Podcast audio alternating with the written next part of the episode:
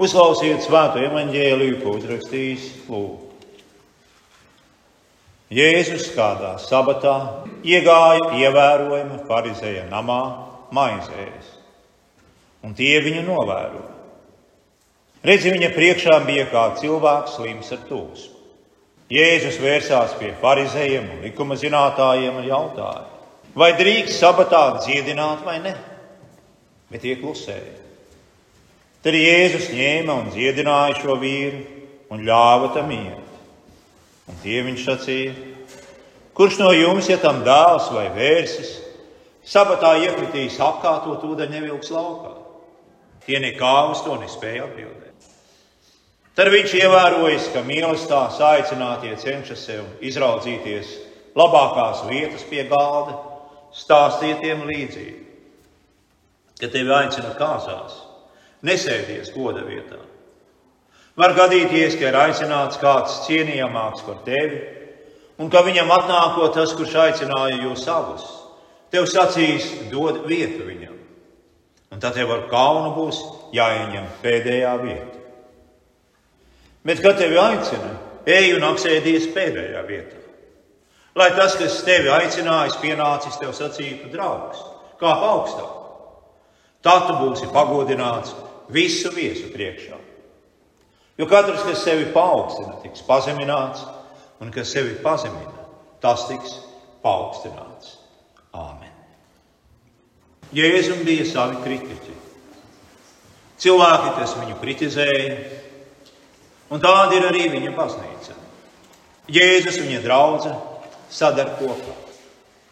Jēzus kritika ir viņa baznīcas kritika, un viņa baznīcas kritika ir Jēzus kritika. Jēzus ir kopā ar savu draugu, un šo vienotību nevar salauzt. Kā mēs dzirdējām altāra lasījumā, viena miesa un viens gars. Tāpat kā vienai cerībai jūs savā aicinājumā esat aicināti. Viens kungs, viena ticība, viena kristība, viens dievs un dāvs visiem, kas ir pāri visiem, caur visiem un visos.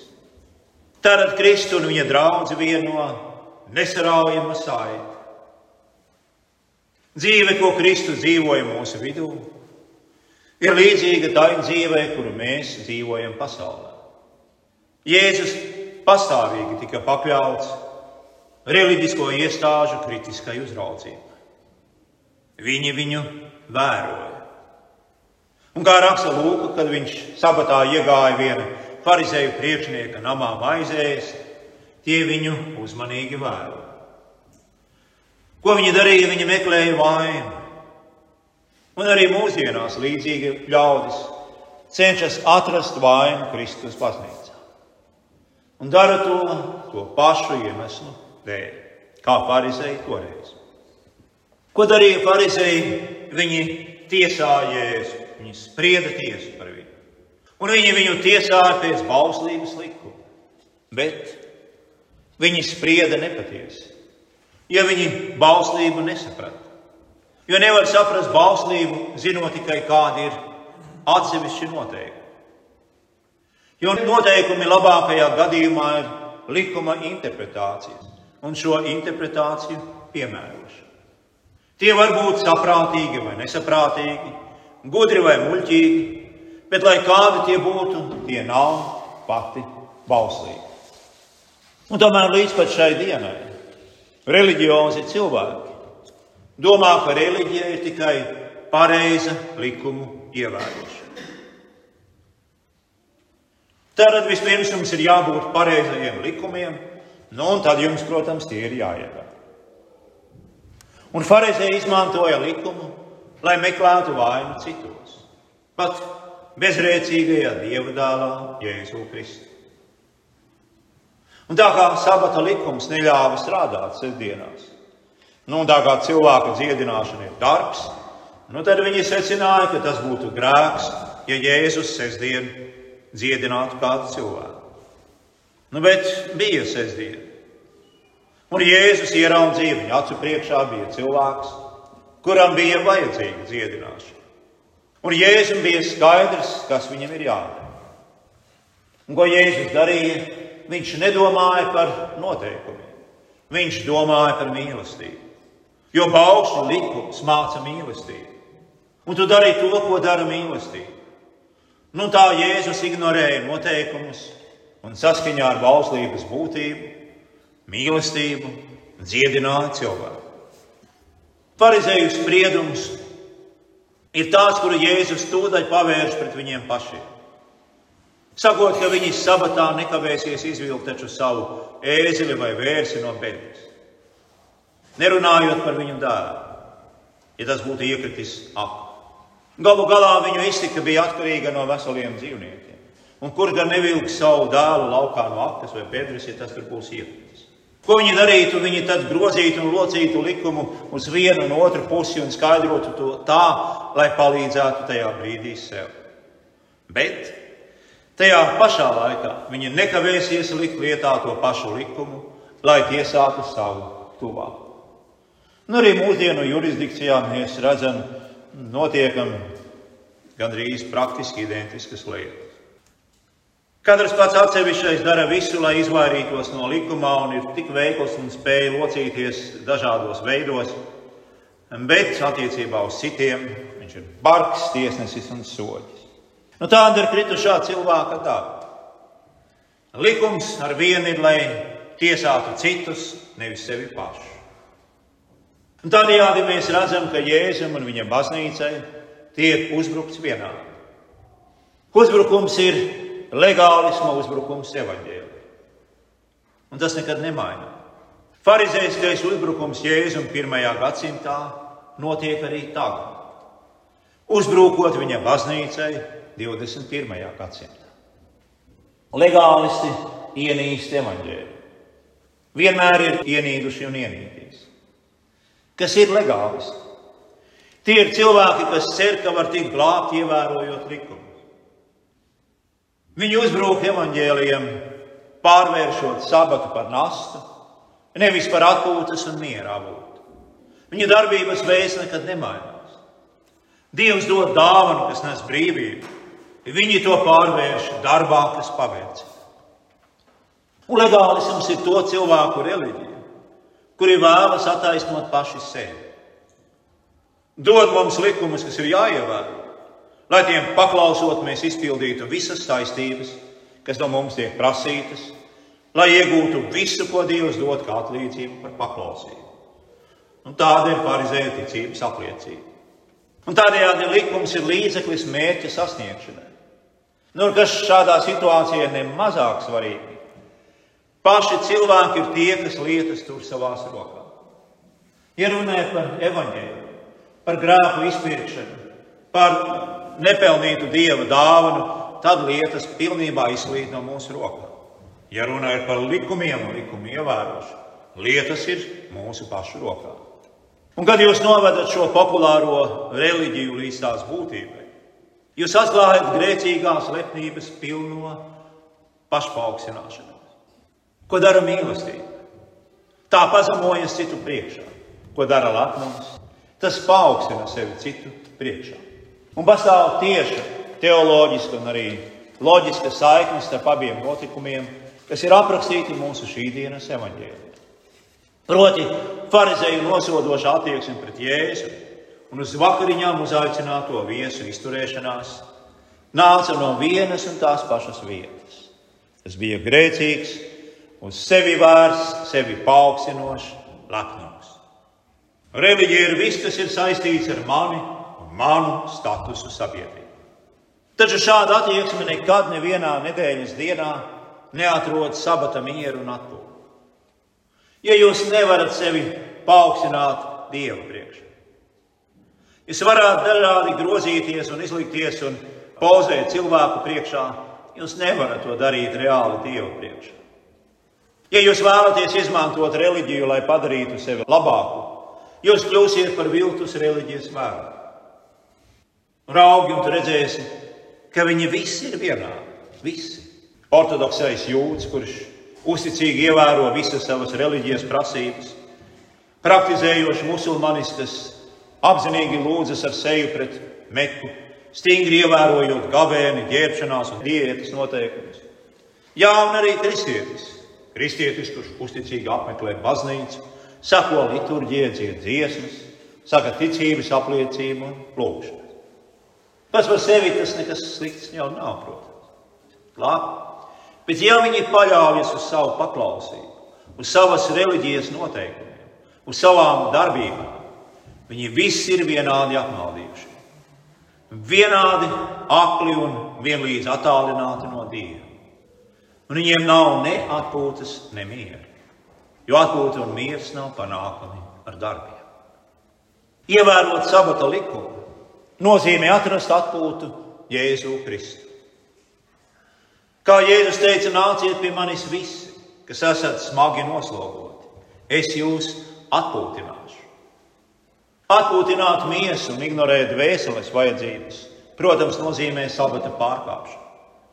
Mūsu katehismā ir labi atklāts sabata likuma patiesais gars. Tie būs svēto dienu svētība. Kas tas ir?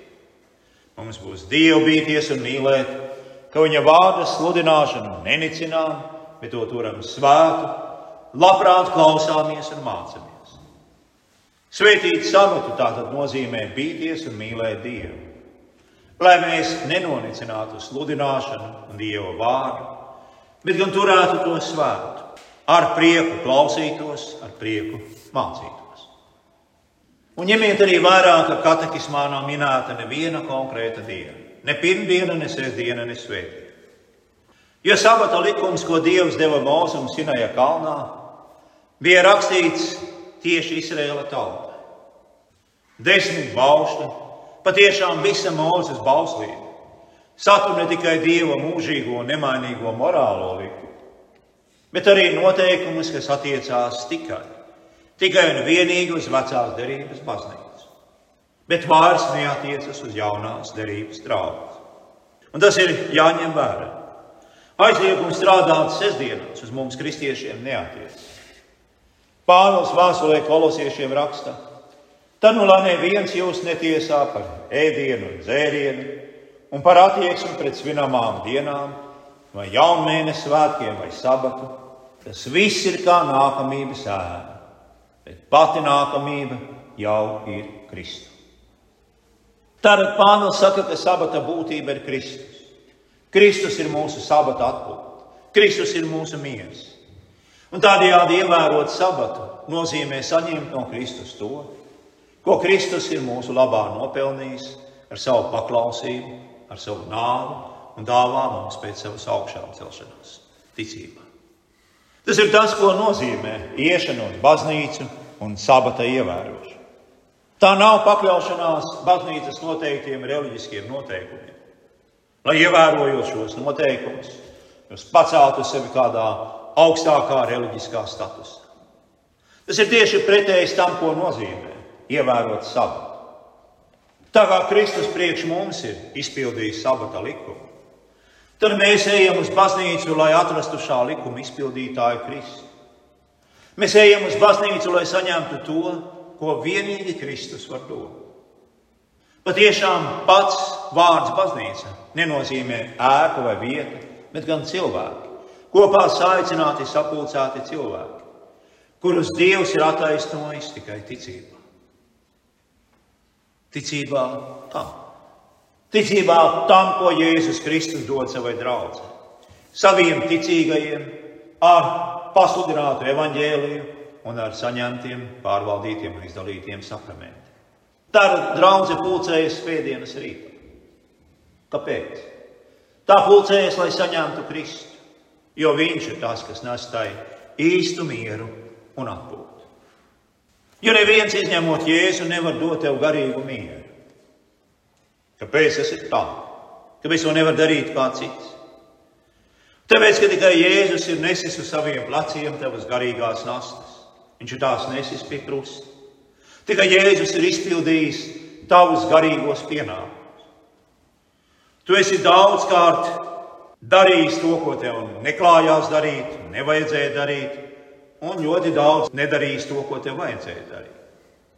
Un to visu Jēzus ir izpildījis tavā vietā. Viņš dzīvoja līdzjūtības, mīlestības un žēlsirdības pilnu dzīvi. Tādu dzīvi, kādu no mums visiem prasa Dieva likums. Un ik reiz, kad tu lasi, ka tu redzi Jēzu darām labus darbus, tad atceries, ka viņš dzīvo mīlestības, pilnu paklausības dzīvi tavā vietā. Piepildīdams to, ko Dievs prasa no tevis. Mēs, diemžēl, to neesam darījuši. Neviens. Pat vislabākie cilvēki. Ja vispār cilvēku var sacīt, ka viņš ir labs. Jo tas ir tas, ko Bībele sauc par grēku. Mēs neviens neesam labi, mēs esam grēcinieki. Un tāpēc mūsu sirdsapziņa baidās. Tāpēc mēs izdomājam veidus, kā nomierināt savu sirdsapziņu, izdomājot noteikumus, kurus mēs varam izpildīt, ar tiem aizstājot bauslības likumu. Likumu, kuru neievēro. Attaisnojoties, vainojot citus, noliedzot, ka grēks ir grēks. Nu, vai vienkārši dusmojoties un mainot tēmu, kad mūsu grēki tiek atklāti. Nekas no tā visa mums nenes mieru, bet Kristus nes. Tur, kur mēs lepnības pilni stāvējam un pieprasījām atzinību, viņš pazemojās un kļuva paklausīgs līdz pat kalnpilnai krustenām. Tur, kur mēs stāvējām tiesājot citus, lai paši izskatītos labāk, Jēzus labprāt uzņēmās Dieva spriedumu par visiem grēciniekiem. Un tādēļ novērsa šo spriedumu no mums. Mēs ejam uz baznīcu un ejam, lai atrastu savu īsto sabata atpūtu Kristu. Kristu, kurš dod mums piedošanu, mieru un samierināšanos ar Dievu, ko Viņš iepriekš mums visiem ir izcīnījis. Tas ir mūsu svētdienas saturs. Nicināt baznīcu, nebūt baznīcā, nenākt uz dievkalpojumu. Tas nenozīmē neizpildīt baznīcas likumus, baznīcas lietas vai kā citādi. Tas nozīmē nicināt to, ko Kristus ir izdarījis mūsu labā. Un ko vienīgi Viņš spēja, var dot un ko Viņš arī dod. Un katru reizi, kad mēs nākam uz baznīcu, Jēzus aicina mūs likt visas savas nastas uz viņa varenajiem pleciem. Nē, taču tā, ka grēki moka tavu sirdsapziņu. Tev ir dažādas personiskas neveiksmes, kas tevi nomāca un saista tavu dvēseli. Tev ir šaubas, kas moka tavu prātu un izaicina tavu ticību. Ko darīt ar to visu? Nes šos grēkus, šīs personīgās neveiksmes, šīs šaubas uz baznīcu katru svētdienu. Nes uz baznīcu un atdot to visu Jēzu, jo viņš vienīgais spēja ar to tikt galā. Pazemojies viņa priekšā un saņem no viņa dieva mieru. Mieru, kas pārsniedz visu cilvēku saprāšanu. Atrodi Jēzu savu īsto sabatu atpūtu. Jo šī pasaule ir skumja pilna bet Jēzu tu atradīsi patiesu atpūtu un mieru. Viņa brūcē ir mūsu visu māju vieta, jo no turienes nāk miers un dziedināšana.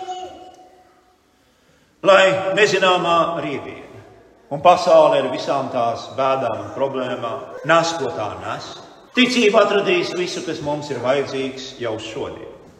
Jo ticība to visu meklē un atrod mūsu mīļajā kungā Jēzu Kristu. Āmen!